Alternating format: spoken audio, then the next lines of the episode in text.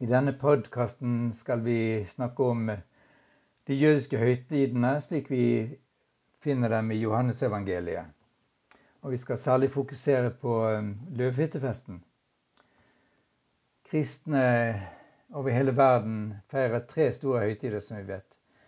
Jesu fødselsfest, den som på engelsk kaller Christmas, påske og pinse. Påske og pinse er høytider vi kjenner fra Det gamle testamentet og jødisk tradisjon. Det tok tid i oldkirken før en begynte å feire Jesu fødsel. Den ble neppe feiret før år 340. Viktigere var minnet om engelens besøk hos Maria ni måneder før fødselen. I tradisjonelle kirker markeres Maria bebudelsesdag, og det er en god ting. Det norrøne ordet jul er neppe et godt ord. Med den betydningen ordet har i et sekulært samfunn, burde ikke kirkene heller si Jesu fødselsfest. Hvis vi derimot eh, bruker et ord fra Johannesprologen Gud tok bolig iblant oss.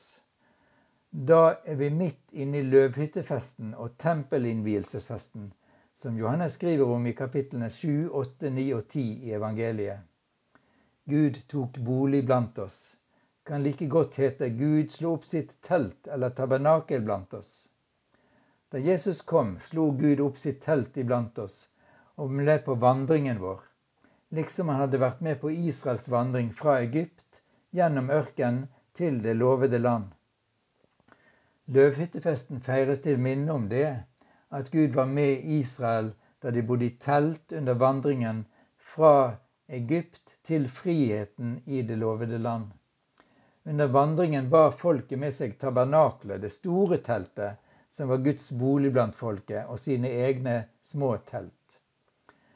Tempelinnvielsesfesten feires til minne om at tempelet i Jerusalem nå ble Guds bolig og avløste det bærbare tabernaklet.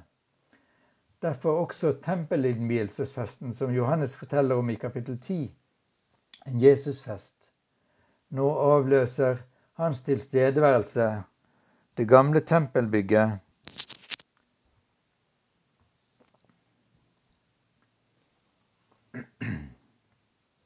Jesus selv er tempelet der Gud bor. Vi vil i det følgende gå dypere inn i denne jødiske høytiden, løvhyttefesten, som er beskrevet i Det gamle testamentet, og som israelittene ble påbudt å feire. Vi venter med å si noe om påskefesten til vi nærmer oss avslutningen av Johannes evangeliet, vi venter også med å si noe om pinsefesten, som feires til minne om innhøstingen av korn, og at loven ble gitt Moses på fjellet i Sinai. I kapittel 14-16 forteller Jesus disiplene at han vil sende sannhetens ånd, talsmann, til dem.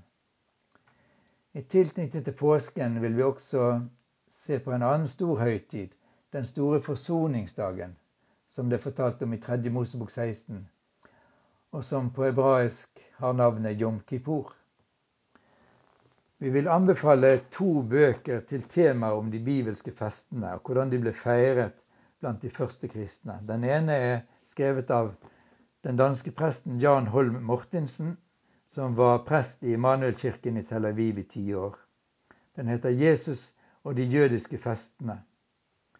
Og En anbefaling av denne boken til Mortensen heter det mange av tekstene fra Det nye testamentet får en helt annen dybde hvis vi kjenner deres utspring i Det gamle testamentet, og den måten jødene feiret høytidene på, på Jesu tid. Den andre boken vi anbefaler, heter The Bible and the Liturgy by Jean Danielo. Og så vil vi anbefale undervisningsmateriell og andre ressurser fra Den norske Israelsmisjonen som er knyttet til høytidene, bl.a. pedagogiske opplegg som kan brukes i menigheter, hjem og skole.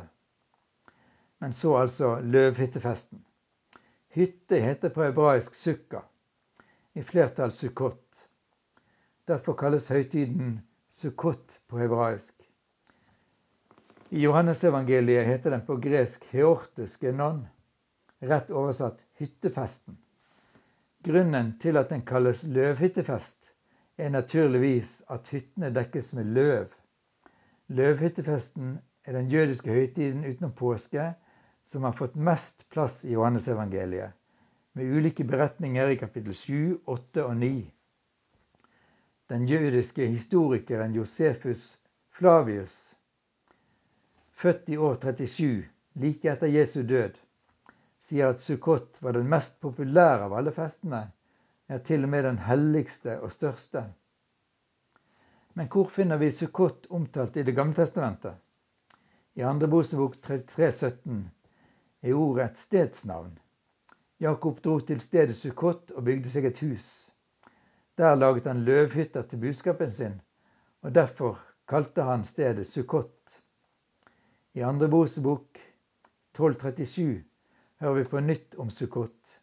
Det er det første stedet israelittene kommer til etter at de brøt opp fra Egypt etter 430 år der.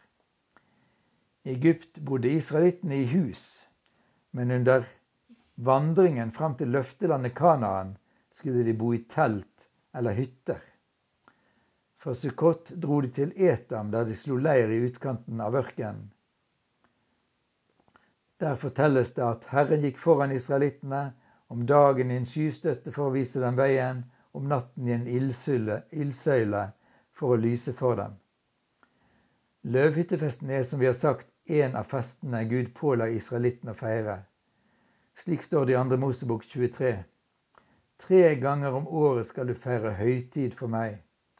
Den første er de usyrede brøds høytid, altså peser, påske. Den andre er festen for kornhøsten eller løvhyttefesten og den tredje innhøstingsfesten, den som også kalles ukefesten eller shavot på hebraisk. Shavot flertall av tallet sju, shevet på hebraisk. Sju ganger sju blir 49. Om vi legger til én dag, blir det 50. Og derfor heter det på, på gresk pentekoste. Det betyr egentlig den 50. dag og av dette ordet får vi pinse. Tredje Mosebok 23 gir den mest detaljerte beskrivelsen av feiringen av Sukkot. Denne beskrivelsen er viktig for å forstå Johannesevangeliet kapittel 7-9. Herren sa til Moses, tal til israelittene og si, fra den 15. dag i denne 20. måneden skal dere holde høyt døvhyttefest for Herren i sju dager. Den første dagen skal være en hellig samling, i sju dager skal dere bære fram gaveoffer for Herren. Den åttende dagen skal dere holde en hellig samling. Da er det høytidssamling. Dette er Herrens høytider, der dere skal kalle inn til hellige samlinger. I forlengelsen beskrives det hvordan Sukkot skal feires. Den første dagen skal dere ta frukt av alle trær, palmeblad, greiner av løvtrær, og dere skal glede dere for Herren deres Guds ansikt i sju dager.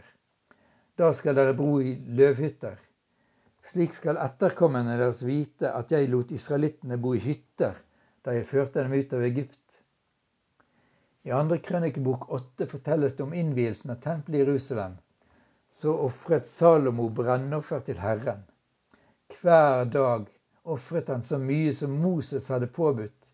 På sabbatsdagene og på de tre høytidene i året, de usyrede brøds høytid, ukefesten, shabot altså, pinse, og løvhyttefesten.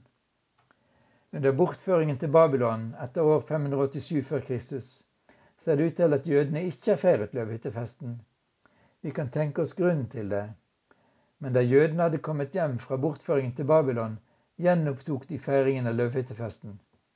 Slik heter det i Esras bok så feiret de løvhyttefesten slik det står skrevet. I Nehemjas bok kapittel 8 bekreftes dette. På den andre dagen samlet de seg hos Esra, den skriftlærde, for å studere lovens ord. I loven som Herren hadde pålagt Moses, fant de skrevet at israelittene skulle bo i løvhytter. Så dro folket ut og hentet løv, og de laget hytter, hver på sitt tak og sin gårdsplass. Hele forsamlingen, de som hadde vendt tilbake fra fangenskapet, laget løvhytter og bodde i dem. Og slik er tradisjonen i dag. Beretningen slutter med disse ordene gleden var stor. Det er nettopp glede som kjennetegner jødenes feiring av Sukkot. På den siste dag i høytiden danser og synger de mens de løfter Torah-rullen høyt. Etter hvert ble det lagt til flere ting. Vi kommer tilbake til det når vi leser om Jesus på løvehyttefesten i Jerusalem. Det overraskende i Johannes 7-9 er at Jesus ikke bare deltar i feiringen eller løvhyttefesten, men at han lar den handle om seg sjøl. Så vi kan ha overskriften 'Løvhyttefesten handler om Jesus'. Dette er bakgrunnen for det vi leser i Johannes 7-9. I Johannes 7,2 står det det var like før løvhyttefesten, en av jødenes høytider. Brødrene til Jesus dro opp, og de ville også at Jesus skulle dra. Først sa Jesus at han ikke ville dra, men seinere dro også han opp til Jerusalem, men i hemmelighet. Han ville ikke dra på brødrenes premisser, nemlig for å bli populær. Men i løpet av Sukkot-feiringen sto han fram, den fjerde-femte dag kanskje. Det var alt midt i høytiden da Jesus opp, gikk opp på tempelplassen og begynte å undervise. Det er én spesiell ting å merke seg med Jesus og hans undervisning. Mens alle andre skriftlærde satte sin ære i å referere til andre store jødiske lærdes utlegging av Skriftene, gjorde ikke Jesus det. Han forsto Skriftene slik at de handlet om han sjøl. Det er klart at det virket provoserende. På den måten kunne han aldri bli populær blant de religiøse lederne. Hvorfor sa Jesus til brødrene 'min tid er ennå ikke kommet'? Min kairos på gresk, ikke kommet. Han fortsetter med å si at verden hater han fordi han vitner om at verdens gjerninger er onde. Det første kapittel 12, der noen grekere vil møte han, at Jesus sier 'min time er kommet'. Jesus kom ikke for å bli populær og kjent blant folket, slik brødrene hans mente han burde bli. Jesu rette time og tid, Kairos, kom da han skulle dø. I løpet av Sukkot blir ikke Jesus mer populær, slik brødrene mente han burde bli, men han gjør og sier ting som gjør ham hatet av de religiøse lederne. Tiden for Jesu herliggjørelse er ikke løvhyttefesten, der han kunne gjøre mektige gjerninger slik brødrene ønsket det, men påsken, da han skulle lide og dø, og deretter stå opp igjen fra de døde. Min tid i Jesu munn dreier seg egentlig ikke om tid, men heller om hvem det er han åpenbarer seg for, og hvem som tar imot han. Hans tid kom aldri for dem som ikke ville ta imot han. Men for dem som søkte ham og trodde på ham, var hans tid der alltid. I forbindelse med denne høytiden hadde jødene en skikk. De helte mye vann utover tempelplassen. Dette vannet ble hentet fra Siloadammen, som vi leser om i kapittel 9. Fra tempelplassen rant ut i Jerusalem, og det, om, om dette vannet tenkte og bekjente jødene. Fra tempelet skal det renne strømmer av levende vann til alle tørste i Jerusalem og i Israel. Fra Toraen kommer det levende vann, liksom det kom vann fra klippen der Moses slo på den og israelittene drakk seg utørste i ørkenen. Alle i Israel vet hvor viktig vann er for å leve. På den siste dag i høytiden, den store festdagen, sto Jesus fram og ropte:" Den som tørster, skal komme til meg og drikke. Den som tror på meg, fra hans indre skal det, som Skriften sier, renner elver av levende vann. Hvor i Skriften står det? I Jesaja 58, 11 leser vi Her skal alltid lede deg og mette din sjel i det tørre landet. Kjenner du igjen den 40 år lange vandringen gjennom ørkenen? Jesaja fortsetter. Han skal styrke kroppen din, så du, du blir som en vannrik hage, en kilde der vannet aldri svikter. I Esekiel 47 står det om livets elv som renner fra tempelet. Og se, vann strømmet ut under terskelen på østsiden av tempelet. Vannet rant ned på høyresiden av tempelet, sør for alteret. Mannen gikk østover og lot meg gå gjennom vannet. Det nådde meg til anklene, deretter når vannet til knærne og så til hoftene. Til sist er det så mye vann at Esekiel må svømme. Esekiel får en forklaring alle levende vesener, overalt hvor denne elven renner, skal få leve. For hvor dette vannet kommer, blir alt friskt og levende. Det er dette som rammer inn jødenes feiring av løvhyttefesten i Jerusalem. Men Jesus roper ikke ut 'Kom til tempelet, så skal dere få levende vann'. Han sier ikke 'Studer Toraen, så skal dere få levende vann'. I stedet roper han at folket må komme til Han. Da skal det, som Skriften har sagt, renne levende vann fra deres liv. Dette sa han om ånden de som trodde på ham, skulle få. Det er ikke rart at det ble strid om Jesus. Satte han seg virkelig i tempelets sted? Sa han at det var han sjøl som var profetienes oppfyllelse? Hvordan kunne han være så frimodig? Og enda mer tilspisset skulle det bli. Jødene hadde enda en skikk. De bar fire store lysestaker om på tempelplassen. De lyste opp tempelet, men ikke bare det. Det het at det ikke fantes et portrom i hele Jerusalem som ikke ble opplyst av lyset fra disse lysestakene. Midt i sentrum var altså tempelet. Derfor sa jødene 'Tempelet er verdens lys'. Og de kunne med rette føye til 'Gud er verdens lys'. Toraen er verdens lys. Israel er verdens lys. Det er da Jesus sier til folket 'Jeg er verdens lys'. Bakgrunnen er at en kvinne er grepet i hor, og det midt under en hellig høytid. Selvsagt bør hun steines, mener de skriftlærde fariseerne, og nå kan de fange Jesus og dømme denne synderinnen på samme tid. Jesus avviser ikke at det er rett, men han lar sitt lys også treffe dem. Den som er rein, kan kaste den første steinen. Og så lar han nådens og sannhetens, lyse, sannhetens lys skinne over kvinnen. Har ingen fordømt deg? Heller ikke jeg fordømmer deg. Gå bort og synd ikke mer. Loven ble gitt ved Moses. Nåden og sannheten kom ved Jesus Kristus, forkynte Johannes i prologen. Moseloven, Toraen, er nok et lys på et menneskes vei, men Jesus-lyset overgår det. Jesus kom med både nåde og sannhet. Også kapittel 9 hører med til løvhyttefesten.